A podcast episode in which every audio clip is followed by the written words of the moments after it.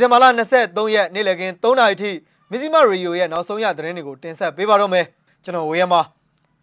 ပေါင်းမြို့နယ်တရက်ကန်ရဲစခန်းရှော့တိုက်ဒုံးနဲ့ပြစ်ခတ်တိုက်ခိုက်ခံရပါတယ်ပသိမ်မြို့မှာတော့စစ်ကောင်စီကသူတို့ဖမ်းသွားသူရဲ့ရုပ်အလောင်းကိုရွာနီးမှာလာပစ်သွားတယ်လို့ဆိုကြပါတယ်စစ်ကောင်စီရဲ့လေကြောင်းကတဆင့်တိုက်ခိုက်မှုနဲ့ဝင်ရောက်မီးရှို့မှုတွေကြောင့်ရေမြက်ရွာမှာရှိတဲ့နေအိမ်60လောက်မီးလောင်ပြာကျသွားပါတယ်ဒီသတင်းတွေနဲ့အတူဒီကနေ့နေ့လယ်ပိုင်း3နာရီထိ နောက်ဆုံးရရှိတဲ့သတင်းတွေကိုတင်ဆက်ပေးမှာပါခင်ဗျာပထမဆုံးအနေနဲ့တင်ဆက်ပေးခြင်းတဲ့သတင်းတစ်ပုဒ်ကတော့မကွေးတိုင်းပခုတ်ကူခရိုင်ပေါ့မြို့နယ်အတွင်းမှာရှိတဲ့တရက်ကန်ရဲစခန်းအတွင်းတပ်ဆွဲထားတဲ့စစ်ကောင်စီတပ်ကိုဒီဇင်ဘာလ22ရက်မနက်ပိုင်း2:45မိနစ်လောက်မှာရှော့တိုက်ဒုံးနှလုံးနဲ့ပြစ်ခတ်တိုက်ခိုက်ခဲ့ကြောင်းအဲ့လိုပြစ်ခတ်တိုက်ခိုက်မှုပြီးမှအပြန်အလှန်ပြစ်ခတ်မှုတွေလည်းဖြစ်ပွားခဲ့ကြောင်းသိရပါတယ်ခင်ဗျာကျွန်တော်တို့ရှော့တိုက်ဒုံးနှလုံးနဲ့အရင်ပြစ်တယ်ဒီကောင်တွေကအဲ့ဒီမှာတက်ဆွဲထားတာအင်အားတော်တော်များတယ် 200လောက်ရှိတယ်ဒီကောင်တွေလည်းပြန်ပြစ်တယ်အဲ့ဒီစကန်ထဲမှာစစ်တပ်ပိုင်းရင်နံတွင်းတွေရှိတယ်ရင်နံမှော်ပေါ့အဲ့ဒါတွေတော်တော်များများရှိတော့အင်အားဖြည့်ထားတာနှစ်လလောက်တော့ရှိပါပြီလို့ပြည်သူ့တော်လှန်ရေးတပ်မတော် PRA အဖွဲ့ကဗိုလ်ချုပ်မန်ကပြောပါတယ်ခင်ဗျာရှော့တိုက်ဒုံးနှလုံးနဲ့တိုက်ခိုက်ခဲ့ပြီးအပြန်အလှန်ပစ်ခတ်မှုမိနစ်40လောက်ဖြစ်ပွားခဲ့ကစစ်ကောင်စီတပ်သား3ဦးသေဆုံးပြီးအများပြားဒဏ်ရာရရှိခဲ့ကြောင်းဒေသခံကာကွယ်ရေးတပ်တွေအန်ရီရဲ့ကင်းစွာနဲ့ စုခွာနိုင်ခဲ့ကြောင်းသိရပါတယ်ခင်ဗျာအဲ့ဒီတိုက်ခိုက်မှုကိုတော့ပြည်သူ့တော်လှန်ရေးတပ်မတော် PRA MPDF နဲ့ GOM ဖွဲ့တို့ကပူးပေါင်းပြီးတော့တိုက်ခိုက်ခဲ့တာလည်းဖြစ်ပါတယ်ဒီဇင်ဘာလ16ရက်နေ့ကလည်းမြိုင်မြို့နယ်ငမြောင်းကျေးရွာအနီးမှာရှိတဲ့မှန်တောင်ချေမှာစစ်ကောင်စီတပ်နဲ့ဒေသခံကာကွယ်ရေးတပ်တွေ၃ရက်ကြာတိုက်ပွဲဖြစ်ပွားခဲ့ပါသေးတယ်နောက်ထပ်သတင်းတစ်ပုဒ်အနေနဲ့ AR တိုင်းပသိမ်မြို့နယ်ရှော့ပြကျေးရွာအုပ်စုကြောက်ဖြာကျေးရွာနေအသက်50ကျော်အရွယ်ဦးမြတန်းဆိုတဲ့သူကို စစ်ကောင်စီတပ်ကဖမ်းဆီးသွားပြီး၃ရက်အကြာမှာအဲ့ဒီကျေးရွာအနီးသန်းချောင်းတစ်ခုတည်းကိုအဲ့ဒီလူရဲ့ရုပ်အလောင်းလာပစ်သွားကြောင်းဒေသခံတွေကပြောပါတယ်စစ်ကောင်စီတပ်တွေကဦးမြတန်းကိုဒီဇင်ဘာလ16ရက်နေ့မှာ PDF တွေနဲ့အဆက်အသွယ်ရှိတယ်ဆိုပြီးဖမ်းဆီးသွားတာလည်းဖြစ်ပါတယ်အဲ့ဒီနောက်မှာတော့ဒီဇင်ဘာလ21ရက်နေ့မှာနှိပ်စက်ခံထားရတဲ့ဒဏ်ရာတွေနဲ့သူ့ရဲ့ရုပ်အလောင်းကိုလာပြီးတော့ပြန်ပစ်သွားတယ်လို့ရှော့ပြကျေးရွာနေဒေသခံတို့ကပြောပါတယ်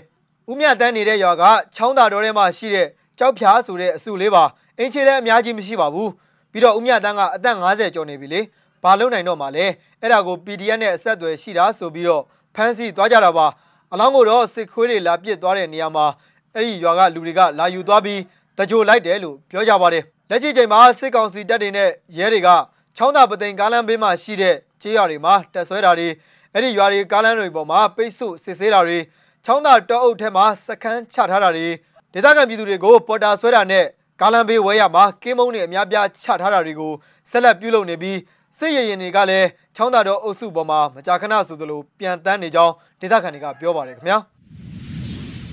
နောက်ထပ်သတင်းတစ်ပုဒ်အနေနဲ့ဒီဇင်ဘာလ21ရက်နဲ့22ရက်နေ့မှာအကြမ်းဖက်စစ်ကောင်စီက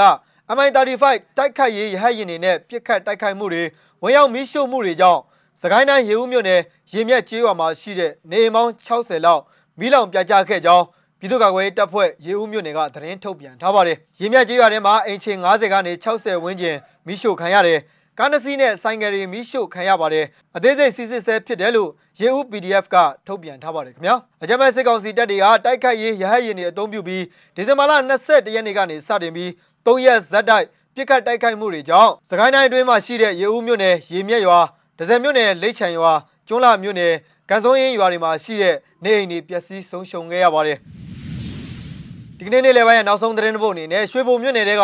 ဆီယနာရှင်စန့်ကျင်ဖြုတ်ချရေးတပိတ်စစ်ကြောင်းတစ်ခုကိုလည်းဖွင့်ပြပေးကြပါရစေခင်ဗျာဒီမိုကရေစီရရှိရဲ့ဝါရဲဝါ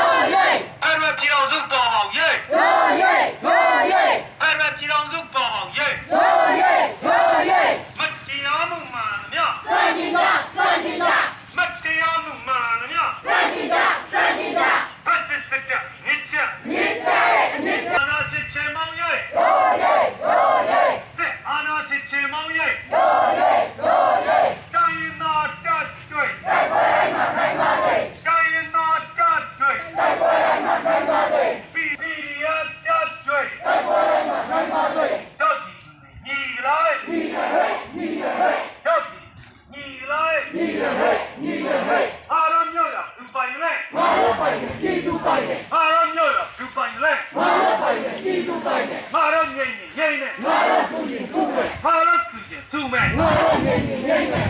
စိတ်တောင်းရသောလူခွေင်ရိုက်စက်တောင်းနေတော်လူခွင်ရိုက်ကြည်တုအာနာကြည်တုပြန်လေကြည်တုအာနာကြည်တုပြန်လေတော့ကြည်တုညီလိုက်ညီလိုက်ညီလိုက်တော့ကြည်တုညီလိုက်ညီလိုက်ဒီဇင်ဘာလ23ရက်နေ့လည်ခင်း3နာရီထိနောက်ဆုံးရရှိခဲ့တဲ့သတင်းတွေကိုတင်ဆက်ပေးခဲ့တော့ပါခင်ဗျာ မဇ္ဈိမရေဒီယိုကိုစောင့်မျှော်နားဆင်ကြတဲ့ပြည်သက်အပေါင်းကိုယ်စိတ်နှပြကျမ်းမာချမ်းသာကြပါစေလို့ဆုမွန်ကောင်းတောင်းလိုက်ရပါတယ်ထူးခြားတဲ့သတင်းတွေနဲ့အတူကျွန်တော်တို့မကြခင်မှာပြန်လည်ဆုံတွေ့ကြပါမယ်ခင်ဗျာ